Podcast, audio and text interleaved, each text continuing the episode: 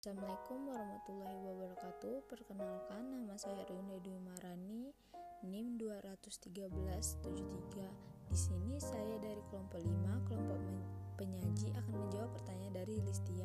Pertanyaannya adalah dalam macam-macam masalah kontemporer ada masalah kemiskinan. Nah, di situ ada faktor lalu bagaimana solusi agar kemiskinan ini mulai surut?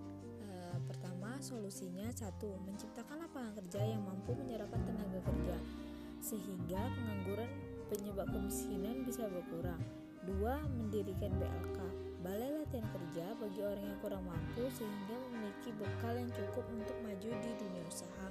Yang ketiga memberi subsidi bagi orang yang kurang mampu seperti BLT bantuan langsung tunai subsidi BBM dan pengobatan gratis bagi orang yang tidak mampu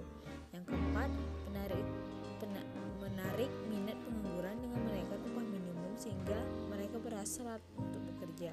Yang kelima, menghapus korupsi karena korupsi menyebabkan layanan masyarakat tidak berjalan dengan semestinya.